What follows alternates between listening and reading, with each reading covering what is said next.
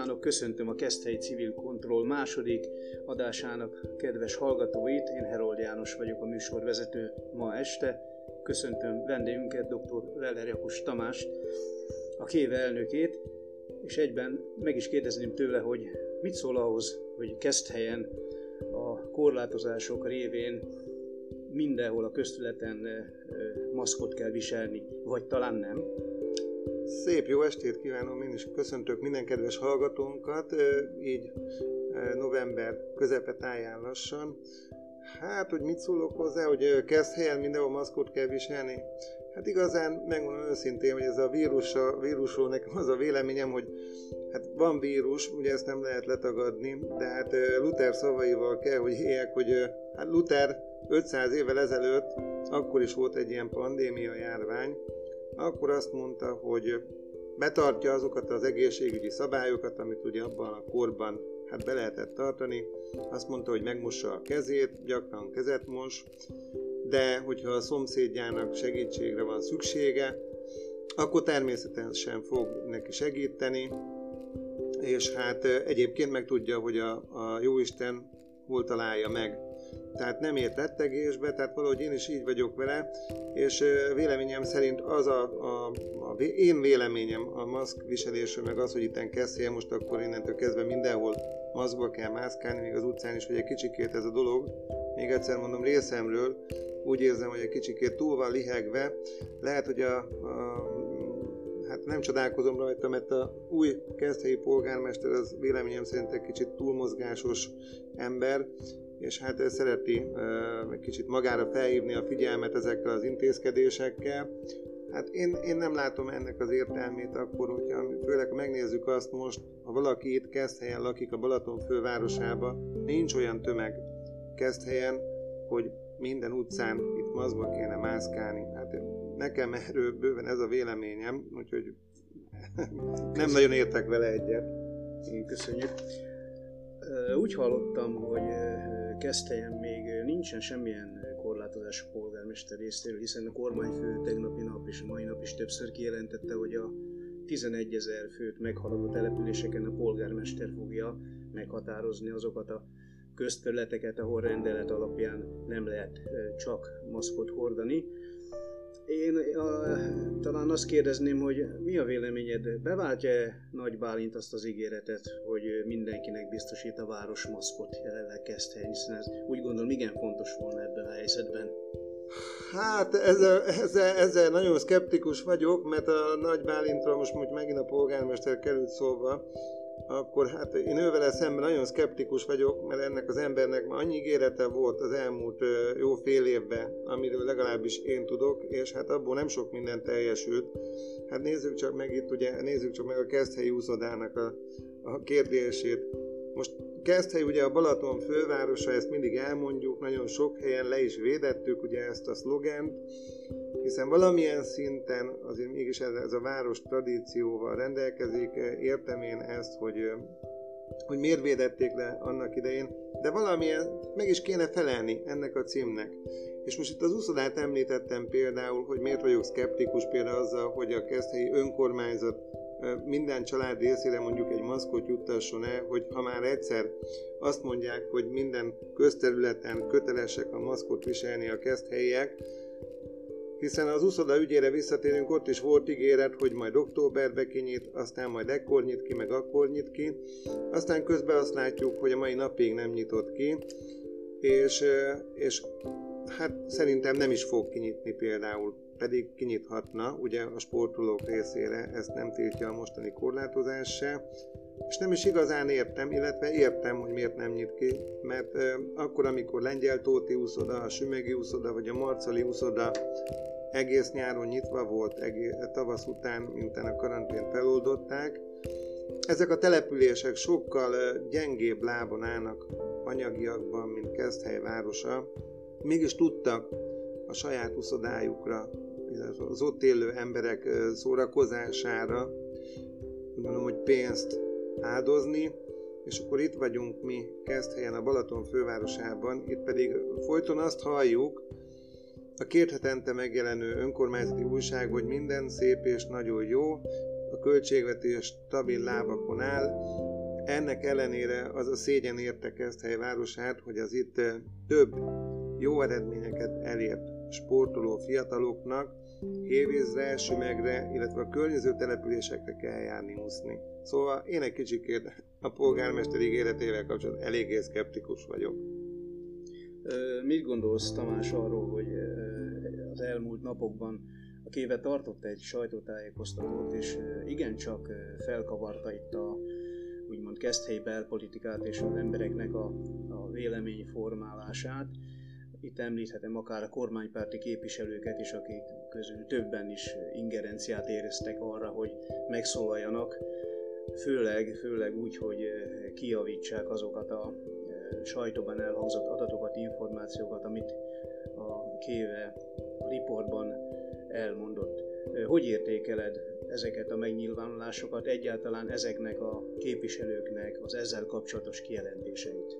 Bocsi János, te most itt a helyi adó, helyi adó igen, jogszabályoknak igen, a, a felülvizsgálatára gondolsz? Na, hát igen. Hát nem is tudom, tehát egyszerűen, egyszerűen meg vagyok döbbenve. Tehát nem is tudom, hogy hogyan fogalmazzam meg. Nem értem a polgármestert, bár azt már a közmeghallgatáson se értettem a viselkedését, hogy egy polgármester, amikor azt mondja egy állampolgár számára, hogy kettő perce van, és azt a kettő percet sem engedi végigbeszélni, hanem különböző cinikus megjegyzésekkel illeti, egy olyan helyzetbe, amikor ugye pandémia van, és csak úgy lehetett bemenni, hogy másfél méterre senki nem ült az ember mellett. Nem is voltunk sokan, hozzáteszem, hiszen a lakók közül talán a két kezemen meg tudtam volna számolni, hogy hányan jöttek el. És hát mindenki maszkolt. És akkor ez a, a városnak az első embere azt mondja, hogy ne köpködjön az ember, illetve ne beszéljen hangosan, holott az én hangfordozásom, hát az ilyen, nem tehetek róla, mert abban az elmúlt 20 valány évben, amit már ugye a hátam mögött van a munka világában, hát hozzászoktam ahhoz, hogy az én hangkordozásom az nem egy halk, tudok ám én azért ennél hangosabban is beszélni.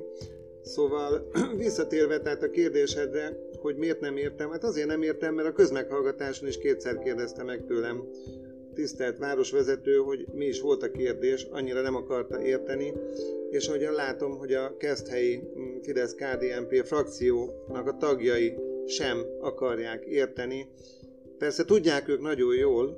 hogy milyen döntést hoztak október 29-én, Hát értem én, hogy nagyon kellemetlen, csak akkor nem kellett volna ezt a döntést ugye meghozniuk, mert konkrétan arról van szó, hogy kilóg a lóláb, hogy szegény az eklézsia, magyarul a költségvetésbe óriási hiány tártong, és hát a jövő évre hát bizonyos adó, adókat, helyi adókat megemeltek. Persze, pró, persze próbálták ezt úgy kialakítani, hogy ezt el lehessen adni a házi propagandájukba, de azért, azért mégiscsak, ha közelebbről megnézzük ezt az előterjesztést, akkor azt lehet belőle kiolvasni, hogy például a kezdhelyi vállalkozók azon köre, amelyik ugye üzlethelységgel rendelkezik, azok bizony 50%-os adóemelésbe részesülnek 2021. január 1-től, és ez egy őrület. Tehát én ezt nem tudom elképzelni, hogy ezt hogyan gondolták, akkor, amikor egy vírushelyzet okozta gazdasági válságnak a közepén járunk, és minden környező városokba, településeken, meg országosan is azt lehet látni, hogy próbálják a vállalkozókat megsegíteni, hogy valamilyen módon ezt a nehéz időszakot, hogy tudják átvészelni, akkor itt nálunk kezd helyen, meg, meg az történik, hogy megpróbálják a, a költségvetést foldozgatni, toldozgatni, holott bőven lenne olyan tartalék az önkormányzatnak a működésében, még egyszer mondom, működésében, működésére gondoltam, amit, amit, amit nyugodtan vissza lehetne venni, sőt azt mondom, hogy már rég vissza kellett volna venni, meg kellett volna lépni, még a tavasszal, az év elején, de hát mit várunk akkor, amikor az év elején azzal nyitott a, a jelenlegi önkormányzatnak a többségi része, hogy például 13 millió forintért szerettek volna új gépjárművet beszerezni, és hála Isten azért ez a mai napig nem történt meg. De, de hogy, hogy, hogy, miből lehetne ezeket a kiadásokat úgy mondom, hogy hát csökkenteni? Hát például az, hogy nem hiszem, hogy két hetente szükséges az önkormányzat napilap, heti lapjának a megjelenítése, a Balatoni Krónika, elég lenne bőven negyed évente, hiszen nincs annyi közérdekű hír, ami ezt az újságot megtöltené, hiszen ha valaki rendszeresen a kezébe veszi, akkor látja, hogy a tartalma az igencsak gyenge, tehát ugye az lenne a célja, hogy a, a keszthelyi embereket szolgálja, lássa el információval. Hát nagyon sok minden van benne, de nem biztos, hogy ez egy önkormányzati újságban lenne a helye ezeknek a dolgoknak. Aztán a másik javaslatunk az, hogy 2019 előtt például nem volt polgármesteri kabinet. Hát megkérdezem én, hogy János, te tudod, hogy mi az, hogy mi az, hogy egy szerinted? Mi a, nem tudod, mert én megmondom őszintén, én a sejtéseim vannak, de meg 20, több mint 25 évig dolgoztam a közigazgatásba, de a mai napig én megmondom neked őszintén, nem tudom, hogy mi lehet a szerinted, mi a dolga egy, egy polgármesteri kabinetnek? Mert... Oh, na, jó, nagyon jó kérdés egyébként. Szerinted, mint egy állampolgár. Én rögtön vizionálok egy, egy amerikai elnökválasztásról és maga a kormány működéséről forgatott filmben, amikor egy, egy, egy kabinet dolgozik, hatalmas apparáttal, nagy költséggel, hihetetlen munkát végeznek, óriási szervező feladatokat és egyéb. Hát most ez picit egy lefordítva, hát enyhén szólva komikus számomra, hogy még a neve is, hogy kabinet. Tehát nekem ez egy kicsit, kicsit olyan viccesnek is tűnik, Egyáltalán pedig azért, hogyha visszagondolok, és az elmúlt években az önkormányzatban képviselőként eltöltött időm alatt igen jól megismertem azért az önkormányzat munkáját. Hát ezen a településen ilyenre abszolút nincs szükség. Egyébként ennek a rendszerére sincs. Én úgy gondolom, hogy ha ennél sokkal, sokkal nagyobb városban sem hoznak létre kabinetet. Én, én azt gondolom, hogy ez, ezek, ez a kabinet ez főleg arról szól, hogy a sógor komoly jó barátnak legyen munkahelye, hogy a közpénzből, közpénzből el tudjuk a haverokat látni, egyébként meg legyenek fotósok, meg legyen minden olyan, olyan tevékenység, amire fizetést lehet adni közpénzből, hangsúlyozom, mert ez egy mi pénzünk, ugye adófizetők pénze, és gyakorlatilag jelentősége pedig semmi. Én körülbelül így látom a kabinetnek a jelentőségét. Én csak azért kérdeztem meg tőled, mert mint egy kíváncsi voltam rá, hogy mint egy átlag állampolgárnak körül mi az elképzelés egy kabinetről, mert én, én azért még egyszer mondom, én csak az ön, a közigazgatásban dolgoztam, és nem értem egy kabinet működését, mert Ugye a polgármesteri hivatalnak az egyik feladata az, hogy ellássa a képviselőtestületnek a, a döntései végrehajtását, a polgármesternek a dolgait elrendezze. Nem értem, hogy mi az, hogy egy polgármesteri kabinet a polgármesteri hivatalon belül, olyan, mint állam az államban, nem tudom, tehát a mai napig, és nem is kaptam a kérdésemre egészen eddig választ, úgy, ahogy a, hát például nem, sok mindenre nem kaptunk választ az elmúlt időszakban, Például, hogy a polgármester úr hol szerezte a diplomáját, ugye ez is egy mai napig egy lóg a levegőben ez a kérdés. Nem tudom, hogyha valaki, azt már 2014-ben ugye azzal kampányolt, hogy ő közgazdász, és hogyha tényleg így van, meg közgazdász, akkor mi az akadálya neki, hogyha miért nem tudja bemutatni azt a nyomorú diplomáját például? Hát most neked van a szakács végzettséged, és valaki te tőled mondjuk megkérdezi, hogy, hogy tényleg, hogy mutasd be a szakács papírodat, akkor te nem mutatod be. Hát nem, nem ciki. Tehát Nyilván. nem gondolod, hogy ez egy rohadt ciki dolog. Abszolút. És ő abszolút nem érzi cikinek. Na de visszatérve az előző kérdésre, hogy aztán még mi lehetne spórolni ahelyett, hogy a vállalkozókat sújtjuk plusz adóteherrel ebbe a vészterhes időszakba. Hát például itt van három kilométerre tőlünk Hévíz. Hévíz Magyarország leggazdagabb, legtehetősebb települései között szerepel. És ez a település már a tavasz folyamán meghozza azt az intézkedést, hogy megvonja, visszaveszi az önkormányzati képviselők tiszteletdíját. És akkor nézzük meg, mit csinál Keszthely. 2019. novemberi alakuló ülésen első dolga volt ennek a képviselőtestületnek az, hogy a saját tiszteletdíjukat 50%-kal emelték meg. és most félreértés ne essék itt, hogy emberből nem az irítség beszél, hanem egyszerűen arról, hogy ahogyan te is említett az előbb, hogy a képviselőtestület tagjait, a polgármestert, a jegyzőt a keszthelyiek füzetik, és akkor, amikor úgy gondol, hogy ha elküldjük a könyvtáros nénit fizetés nélküli szabadságra, közalkalmazottaknak mondunk fel, mert ennyire nincsen pénz, a hivatali dolgozókat pedig levesszük rövidített munkaidőre, aztán utána pedig megköveteljük tőlük, hogy lássák el azt a munkát négy órában, mert eddig nyolc órában végeztek, hát úgy gondolom, hogy eléggé szégyen teljes dolog, és akkor ezek után, hogy ők pedig a tisztelet díjukkal foglalkoznak első lépésként, és még hagyjám, de hogy még vissza sem veszik, ugyan volt rá egy ilyen kísérlet a, a tavasszal, hogy azt mondták, hogy 25%-kal lecsökkentik. Értem én, hogy a helyieket, meg ugye az ellenzéket ugye hát valamivel hát ki kell stafirungolni, csak hát ennyire ne nézzük egymást hülyének, mert a kicsikét is tud valaki számolni, akkor azt látja még mindig, hogy még mindig 25%-kal többet kapnak ezek az önkormányzati képviselők, mint egy évvel előtte. És ugye a helyzet azért nem ugyanaz, nem ugyanabban a gazdasági helyzetben van az önkormányzat, és akkor nézzük meg konkrétan, hogy mennyi, mennyi is az annyi. Hát ez egy minimálbérnyi összeg, Na most azért azt ne felejtsük el, hogy Magyarországon ennyi pénzért hát nagyon sok ember dolgozik egy hónapig. És akkor, akkor, akkor, akkor milyen, milyen hozzáállás ez ahhoz, amikor azt mondjuk, hogy baj van, mindenki vegye ki a részét a közösből, elvárjuk a könyvtáros nénitől, elvárjuk mindenkitől, a hivatali dolgozótól, mi elvárják az önkormányzatoktól, ugye a kormányzat, hogy elviszi a saját bevételének egy jelentős részét, és itt van ez a izdarab páva, aki pedig a közből itt páváskodik. Hát én úgy gondolom, hogy, hogy ez szégyen teljes, tehát az, amit itt mutatnak, ezen a területen. A, jó, hát itt most azért, azért mondom, hogy összességében a képviselő testületről beszélek, mert, mert az Egyesületnek most mondhatnál azt, igen, van három képviselője, de mi konzekvensen azt mondtuk, tehát az Egyesület, hogy, hogy már nem is kellett volna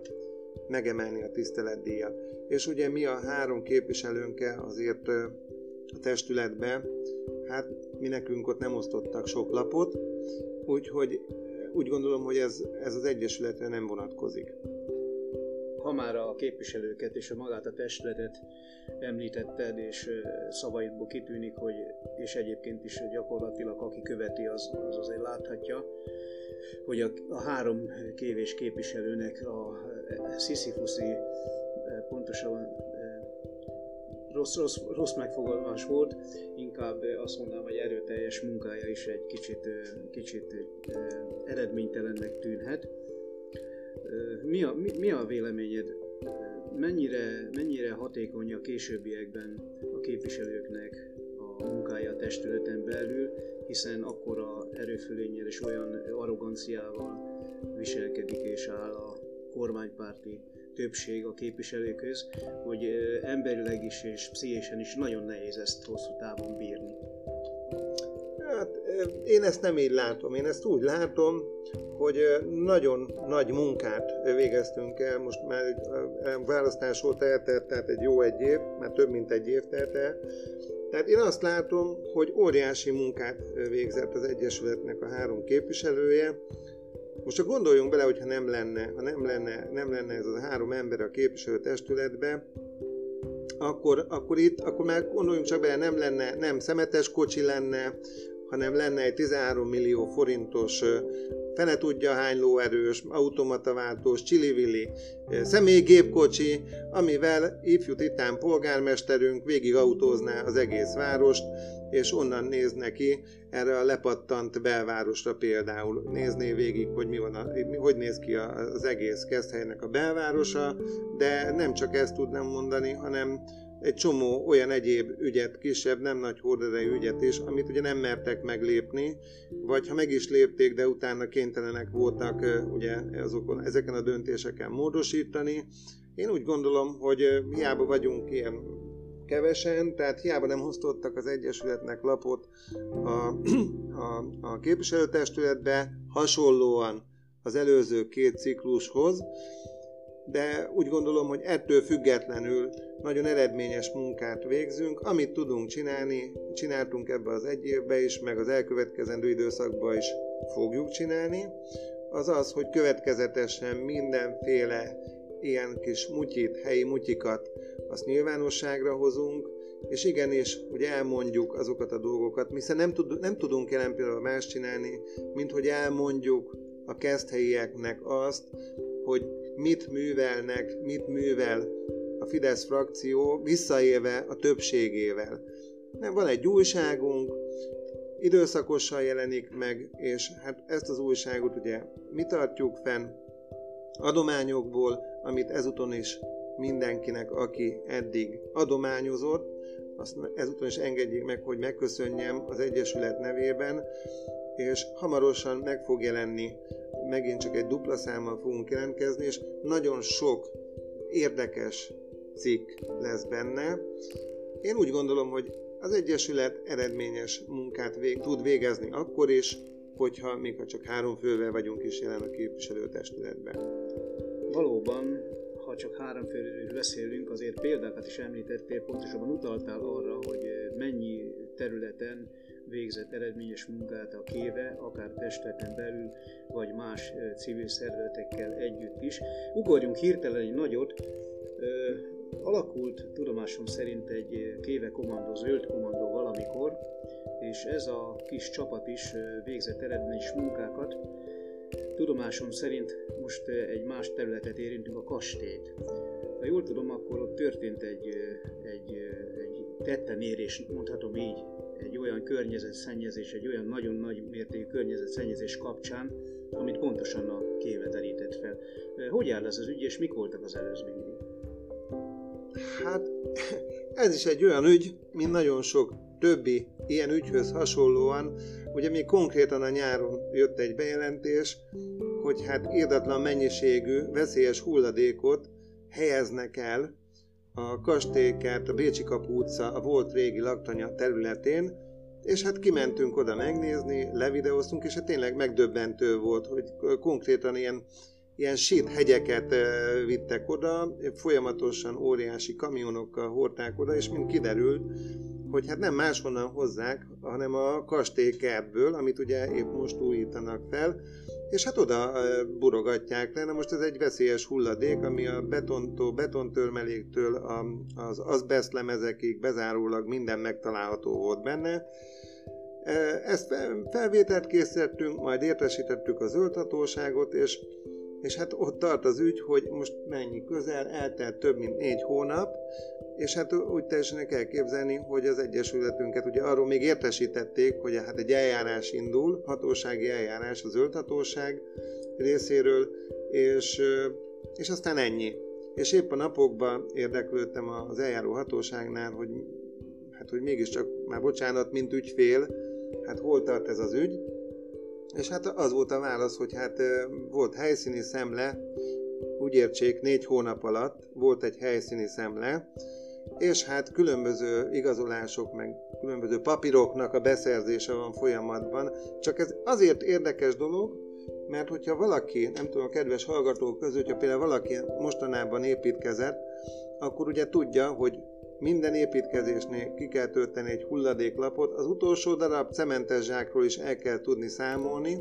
és akkor itt van a kastélynak ez a pályázat, ami több milliárd forintos pályázat. Valószínűleg ennek a 15.300 köbméternyi veszélyes hulladék, hulladéknak is van ott sor abban a pályázatban, és arra biztos, hogy, hogy van kiadási sor is, amit hát nem láttuk, mert jelen pillanatban még nem kaptuk meg ezt a, az adatot, de valószínűsíthetően, vagy véleményünk szerint próbáltak itt spórolni azon, hogy ezeket a, a, ez, amit, azt a hulladékot, amit ugye a veszélyes hulladékot, amit egy lerakóba kellett volna elhelyezni, hát megpróbálták egy kicsikét ugye olcsósítani, vagy olcsóbbá tenni ezt a pályázatot, csak hát ugye ez már, ez már azt mondjam, hogy büntetőjogi kategória, tehát hogyha valaki olyat tesz, amit egy bizonyos pénzeszközre mondjuk, amit oda kéne költeni, máshova költi, vagy próbálja meg költeni, ugye ez, ez már büntetőjogi kategória. De hát egyelőre még ezt nem tudjuk, tehát jelen pillanatban ez folyamatban van ez az ügy. Hát nagyon kíváncsian várjuk, hogy mi lesz ennek az eredménye. Hát nem véletlenül dobott ki bennünket, vagyis hát személy szerint engemet, a, amikor ott jártunk a kastély vezetőjénél, e, Pálinkás ügyvezető igazgató úrnál. Hát egészen addig békés volt a beszélgetésünk, még erre a témára rá nem tértünk, mert utána megköszönte a, a, a vendéglátásunkat. Igen, egy, ez is egy e, e, jellemzően, jellemzően egy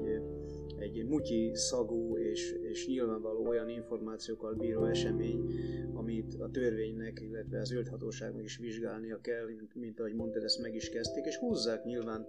mint a rétes tésztát. Erről eszembe jutott még egy másik ingatlan kapcsolatos anomália is, amit a, annak idején már évek ezelőtt kezdtünk vizsgálni, ez, vizsgálni, ez nem más, mint a, mint a kis kastély és annak a környezete, itt már a közelmúltban is volt erről szó, és valamiféle vita, vagy véleménynyilvánítás. Nem tudom, erről tudsz pár gondolatot mondani, hogy jelenleg most mi a helyzet a kiskastélyal kezdeni? Igen, itt a kiskastély, illetve a kiskastély melletti leégett óvodáról van szó. Igen, ez is egy olyan ügy például, de mondhatnák, mondhatnák egy másik ügyet is. Tehát azért mondom, több ilyen ügy van. Ott van például a Balatonparton, a Balatonszállónak az ügye. Ugye annak idején még az Egyesületünk, azért mondom, hogy annak idején, mert ez most már jó pár éve volt, tehát 2018-ban, ha jól emlékszem, akkor indítottunk településképi eljárást, mert volt egy úgynevezett olyan akciója az Egyesületünknek, biztos aki szemmel követi vagy nyommal követi az Egyesületünk munkáját, az emlékszik rá, az volt a, a neve neki, hogy Romtúra, és azzal foglalkozott az Egyesületünk, hogy a, a városnak a legnagyobb szégyenfoltjait elmentünk, lefotóztuk, és hát beadtuk az önkormányzathoz, mert bizony van ám olyan törvény, ami alapján ugye el lehetne járni ezen ingatlan tulajdonosokkal szembe, csak hát valamiért ez a keszthelyi önkormányzat nem akar, nem akar velük eljárni. Ugye a Balaton szálló, azt mint tudjuk, hogy kormány közeli körök vásárolták fel, és hát aki helyre látogat, és kimegy a Balatonpartra, az egy régi patináns, jobb, sorsa, jobb sorsa érdemes lepattant épülettömeget lát, ami közvetlenül a, a, a kikötővel szembe helyezkedik el. Ha valaki hajóval ide bejön a városba, azt látja, hogy van egy több milliárd forintból felújított Balatonpart, a közepén pedig van egy rom. És az Egyesület próbált elérni azt, hogy kötelezzék ennek az ingatlan tulajdonosát, hogy tegye már rendbe jó gazda módjára, mert ordinári módon néz ki az az épület, jelen pillanatban is hozzáteszem. És mit gondolnak, hogy mit gondol János, ugyanaz, vagy kedves hallgatók mit gondolnak, hogy ugyanaz történt, ami a kastélyügybe is, hogy másfél éve hívogatjuk, érdeklődünk, hogy mi történt, olyan nevetséges dolgokkal húzzák az egész eljárás, nem tudják, a 21. században nem tudják, hogy ki az adott ingatlannak a tulajdonosa. Aztán a visszatérve a, le, a kiskastély melletti leégett óvodára, ott azért valamennyivel eredményesebb volt az egyesületünk, mert ott el sikerült elérni azt, hogy a tulajdonost, és azért ez egy ilyen speciális helyzet, mert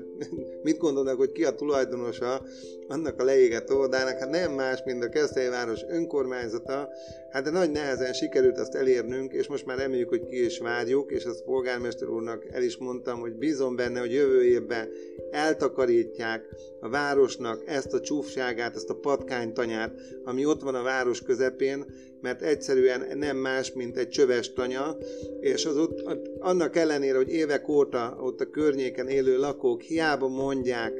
az illetékes egyéni képviselőnek, hogy, hogy patkányok vannak, hogy büdös van, hogy hogy néz ki, nem csináltak semmit. Én ezt is egy sikernek könyvelem el az Egyesület életébe, hogy úgy néz ki, hogy nagyon bízom benne, hiszen kötelezés van rá, még egyszer mondom, kötelezték Keszthely város önkormányzatát, hogy ezt a ramatyot, ezt a szemétdombot a város közepéről, ezt a patkánytanyát tüntesse el. És azért mosolyogtam egy kicsit a közmeghallgatáson, mert a polgármester azt mondta, hogy hát belevették a lakás koncepcióba. Hát nem tudom, hogy kit szeretnének oda költöztetni.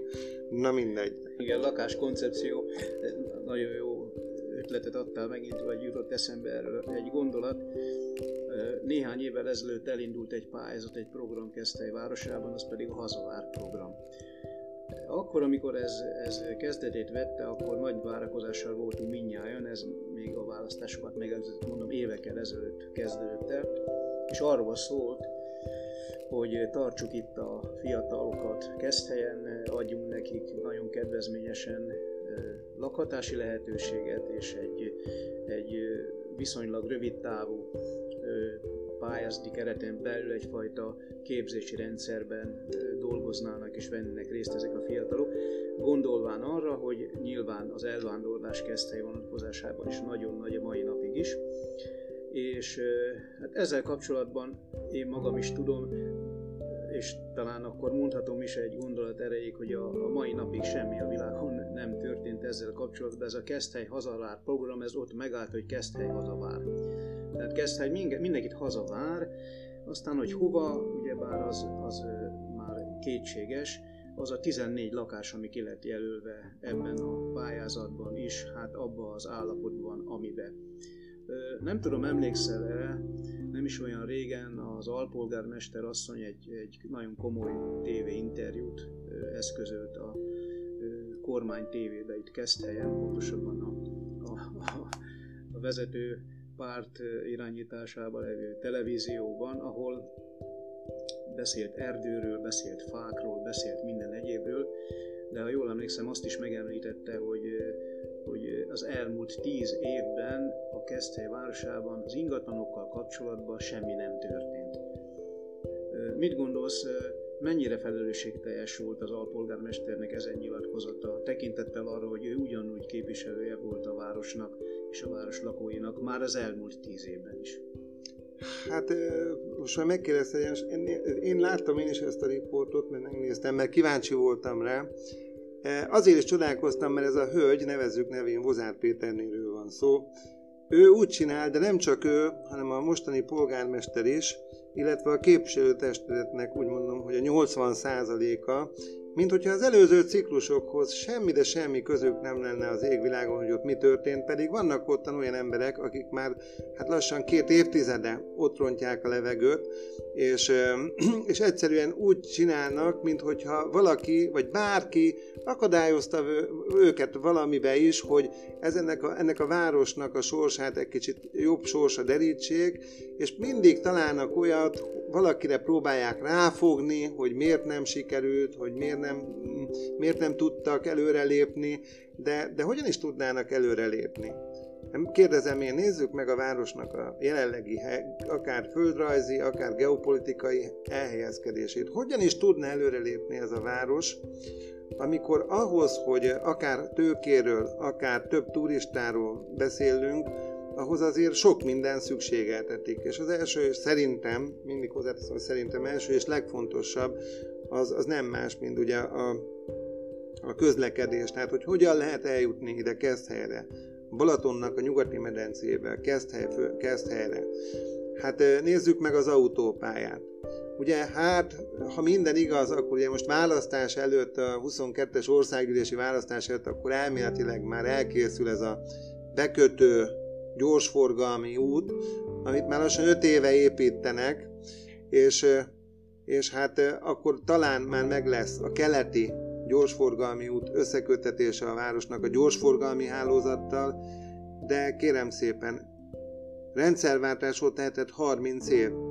2022-ben teremtődik meg ez a lehetőség, és arról ne is beszéljünk, hogy például a nyugati megközelítése a Balaton nyugati medencéjének, hát ez 84-esen lehetséges, és ugye az M9-es terve van, csak én abba gondolok bele, hogy ha ezt a bekötőt 5 évig építették, akkor az M9-es az meg még 20 év, mire el fog készülni. Tehát, tehát egyszerűen nem lehet megközelíteni normálisan Keszthelyt, a Balaton fővárosát, És hát a másik nagy probléma, amit említettél ugye itt a Keszthely Hazavár projekttel kapcsolatosan, hogy alapjáraton az elképzelés jó lenne, csak egy nagy probléma van vele, hogy Keszthelyen munkahely nincs. És ugye a 21. században lehet azt mondani, hogy elmenni a környező nagyobb településekre, városokba dolgozni, hiszen 40-45 kilométerre itt azért itt van Nagykanizsa is és Zalaegerszeg, csak azonban az a baj, hogy Nagykanizsa is és Zalaegerszeg is ugyanazokkal a problémákkal küzdik, amit Keszhely, hogy munkahely Zala megyébe, nem nagyon van. Na most kérdezem én, ide jön egy fiatal, itt akar letelepedni, rendben van, oké, de ezeknek a fiataloknak valahol dolgozni is kéne, ugye? Mert azért a boltba semmit nem adnak ingyen, tehát én úgy gondolom, hogy a, az infrastruktúra után a legfontosabb dolog pedig valamilyen ipart azért mégiscsak a városba kellene létrehozni, és azért ennek egyik katalizátora, meg mozgató rugója mindenképpen az önkormányzatnak kéne, hogy legyen. Tehát akkor kijelenthetjük, hogy gyakorlatilag az elmúlt 10-15 vagy akár még régebb óta a Keszthely városában a munkai teremtés gyakorlatilag egyenlő volt a nullában. Nem Igen, csak hogy az elvándorlás, az, a település elöregedése, ami egyébként is egy nagyon nehéz és nagyon nagy probléma, nyilvánvaló, hogy ez is, ez is befolyásolhatja az ide, ide költöző vagy szándékozó, szándékozni való embert esetleg, hogy itt szeretne élni, illetve hát nyilván, amit mondtál, hogy, hogy az itt lévő munkalehetőségek gyakorlatilag szintén ugye nem változnak, a beruházások pedig hát mindjárt tudjuk, és hát gondolom te is tudsz néhány olyan példát mondani, ami egy ilyen látványberuházás és szalag átvágás közepette tulajdonképpen nem igazán mutatja azt, hogy Keszthely városa éppen a, a jövőt építi, vagy éppen a munkahely teremtésben szeretne élen járni a környező településeken. Hát én, én azt látom, hogy itt történtek dolgok az elmúlt években, különböző, úgy, hogy említetted, látványberuházások, tehát azért, ezek azért látványberuházások, mert tulajdonképpen ugye egyszer megtörténnek, tehát kívülről jól néz ki, de ugyanakkor, tehát ezeknek a beruházásoknak ugye miután elkészül, ezeket fenn is kell tartani, tehát a, a fenntartási költségeivel nem számolnak, illetve munkahelyet nem nagyon teremtett, tehát a városnak a legnagyobb problémáját nem oldotta meg, és bevétele sem származik a városnak ezekből a beruházásokból. Tehát még egyszer mondom, nem, nem az ilyen dolgokkal, az ilyen beruházásokkal a város nem, nem tud előre menni, nem tud kitörni a mostani helyzetéből. Az Egyesületünknek Hát már nem is tudom, hogy hány éve volt egy javaslata, illetve ha jól emlékszem, még most is megvan az önkormányzónak az a helyi rendelete, mert hogyha tételezzük fel, mert azért ez igaz, hogy ugye Keszthelynek az egyik főbevételi forrása a turizmus. És hogyha ez a vár, ennek a városnak a főbevételi forrása a turizmus, akkor mégiscsak adni kéne magunkra, adni kéne arra, hogy ne így nézzen ki a város, ne így nézzen ki a zöld terület, ne így nézzenek ki a zöld területeink, ne így nézzenek ki a városnak a képét meghatározó épületei. Az Egyesületünk már nem tudom, hogy hány éve, még az előző vezetésnek is javasolta többször, hogy támogassa azt, hogy a belvárosi épületek homlokzatát minden évben tized lett volna annyi pénz rá, hogy támogassa, ezek az épületek megújultak volna külsőleg a homlokzataik, és ha egy turista idejön, akkor mindjárt egy, egy teljesen más benyomás marad meg benne, teljesen más benyomás fog a városból távozni. Tudnék példákat mondani, ott van Kőszeg, vagy legutóbb jártam Sopronba, Sopron belvárosába, gyönyörűen fel van újítva, nem, de tudnék még ezen kívül is több várost felsorolni, ahol bizony ezekre a dolgokra odafigyelnek. Éppen egy, egy közvélemény kutatást olvastam a mai nap, amiben az egyik kérdés az volt, hogy mit gondol a válaszadó arról, hogy mennyire kapcsolatban Keszthely város a környező településekkel, és hogy ez a későbbiekben mennyire lehet hatékony Keszthely vonatkozásában. Meg is fogalmazódott bennem egy vélemény, és gyorsan le is írtam, hiszen ki is töltöttem ezt a kérdőívet. Én magam véleménye az, hogy a, a város és a környező települések kapcsolata eléggé szerény, fogalmazhatnánk így, hiszen a, a infrastruktúrán kívül nagyon semmi nem köti össze a város, maximum, hogy a környező településekről ide járnak iskolába, dolgozni, ez a város agglomerációba beszippantja a környező településeket, így akkor neki kicsit kényelmesebb és könnyebb a dolguk. De akkor mitől a Balaton fővárosa a Balaton fővárosa? Hát azért, azért Keszthelynek a régmúltról egy történelmi tradíciója azért a kastély révén megvan, illetve nem csak a kastélyt kell megemlíteni, hanem az itteni agrár egyetemet is. Hát de hogyha most hát ugye szóba került megint ez a tradíció, meg az, hogy Keszhely a Balaton fővárosa, akkor azért azt el kell mondani, hogy hát már nem sokáig. Ugye itt a, a felsőoktatás integrációja, tehát itt az egyetem, tehát lassan az egyetemből csak az épületek maradnak meg helyen, és például ezt sem értem, ezt sem érti az Egyesületünk, hogy egyrészt nem értjük a városnak a mindenkori vezetőit, nem értjük az éppen illetékes országgyűlési képviselőnek a hozzáállását, hogy egyszerűen ilyen simán engedték azt, hogy például az egyetem beolvadjon, és szinte mondom, csak az épületek maradnak itt, azt meg fene tudja, hogy mi lesz velük, lehet, hogy az enyészeté lesz,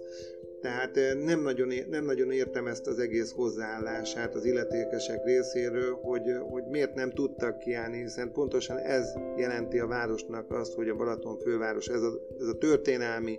tradíció, és az a két nagy dolog a kastély, illetve az egyetem. És arról meg, hogy egyetértek, tehát meg attól lehetne igazán a Balaton, vagy legalábbis a nyugati medence fővárosa, hogyha a környező településekkel együtt tudna működni, de hát nem várok én ettől megint csak nagy csodát, hiszen amikor kijelentette, megint csak hivatkozom a nem olyan régen a közmeg nem hallgatásra, hogy amikor azt mondta a polgármester, hogy ő csak és kizárólag a keszthelyiek, a keszthelyi emberek érdeklik, és ezt elmondta 18-szor, akkor azt vettem ki, hogy, hogy nem igazán akar, nem igazán szeretne egy kifizetődő, harmonikus, kölcsönös együttműködést a környező településekkel, de hiszen addig, amíg ez nem lesz meg, addig sajnos ugyanez marad, mint ami most is, hiszen az nem, tehát nem működik az úgy, hogy minden település próbálja meg kivakarni magának a geszten, sütgesztenyét, és akkor ugye mi a vége neki, hogy minden településen lesz wellness szálló, minden településen lesz uszoda, minden településen ugyanazok a dolgok lesznek, és akkor nem veszik észre, hogy aztán majd egyiket sem tudják fenntartani, mert, mert egyik a másiknak lesz a konkurenciája. Ész nélkül nem lehet ezeket a dolgokat csinálni. Akár itt rögtön meg is említhetnénk a, a, a Gyenesi filmszínházat, mozit, ami, ami ugye már nem olyan rég vett átadva, hogyha jól emlékszem, hogy az egyáltalán működik-e, vagy nem működik. Úgy hallottam, hogy volt működése, talán a Covid miatt az is megállt, de hát, mint ahogy mondtad, több olyan beruházás is volt, aminek a fenntartási költség igen jelentős. Itt a példakép hadd említsem meg a jégpályát, amit néhány évvel ezelőtt átadtak a Balaton parton, és nem tudom, hogy a hallgatók tudják-e, hogy az havi közel 2 millió forint villanyszámlával tud dolgozni az a csepp kis jégpálya, ugyan igaz, hogy nem volt befagyva az elmúlt években Balaton és a korcsolyázási lehetőség sem volt, nem volt korcsolyázási lehetőség a lakóknak,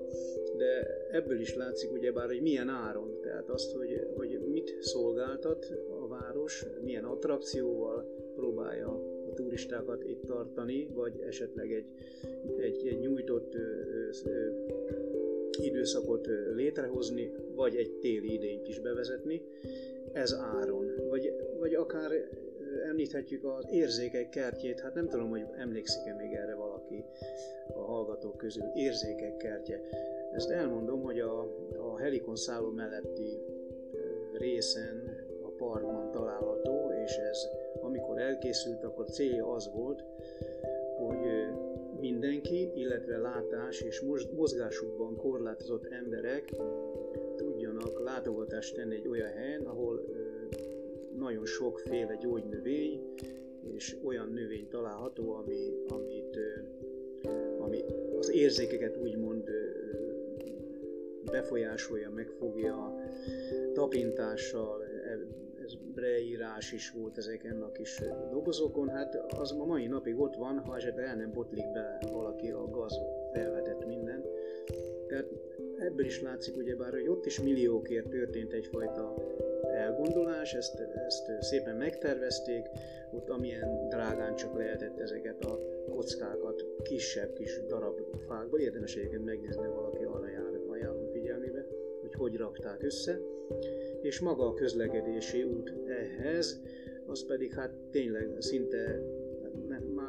a fogalmaz és komikus, tehát azért én megkérdezném a kivitelezőt, az átvedő, átvedőnek per pláne, hogy hogy gondolta, hogy egy murvás, földes, füves részre belefúrva a léceket a földbe, azon majd közlekedni fognak esetleg tolókocsival mozgássérült emberek, vagy éppen járni, és egyébként bárki.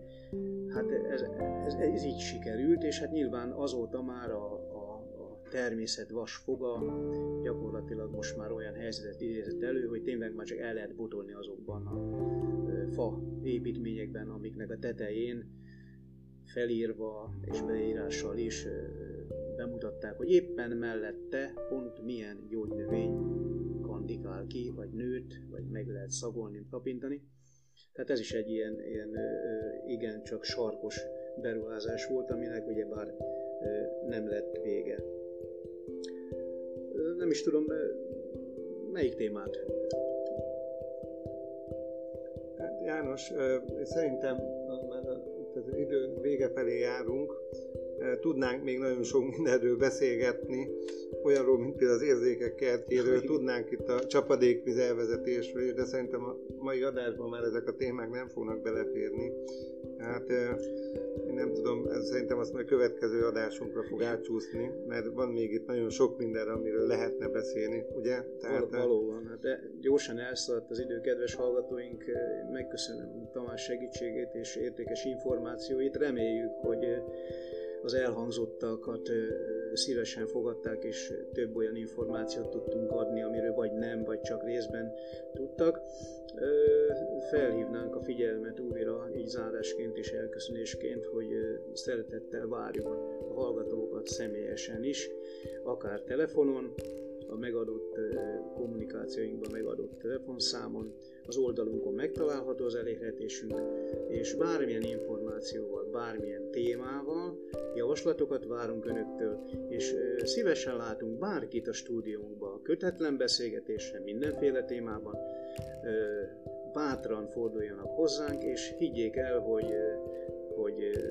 hasznos az, amit önök is tesznek, és mi pedig önökért vagyunk. Köszönjük szépen a türelmüket, viszontlátásra, viszonthallásra! Viszonthallásra!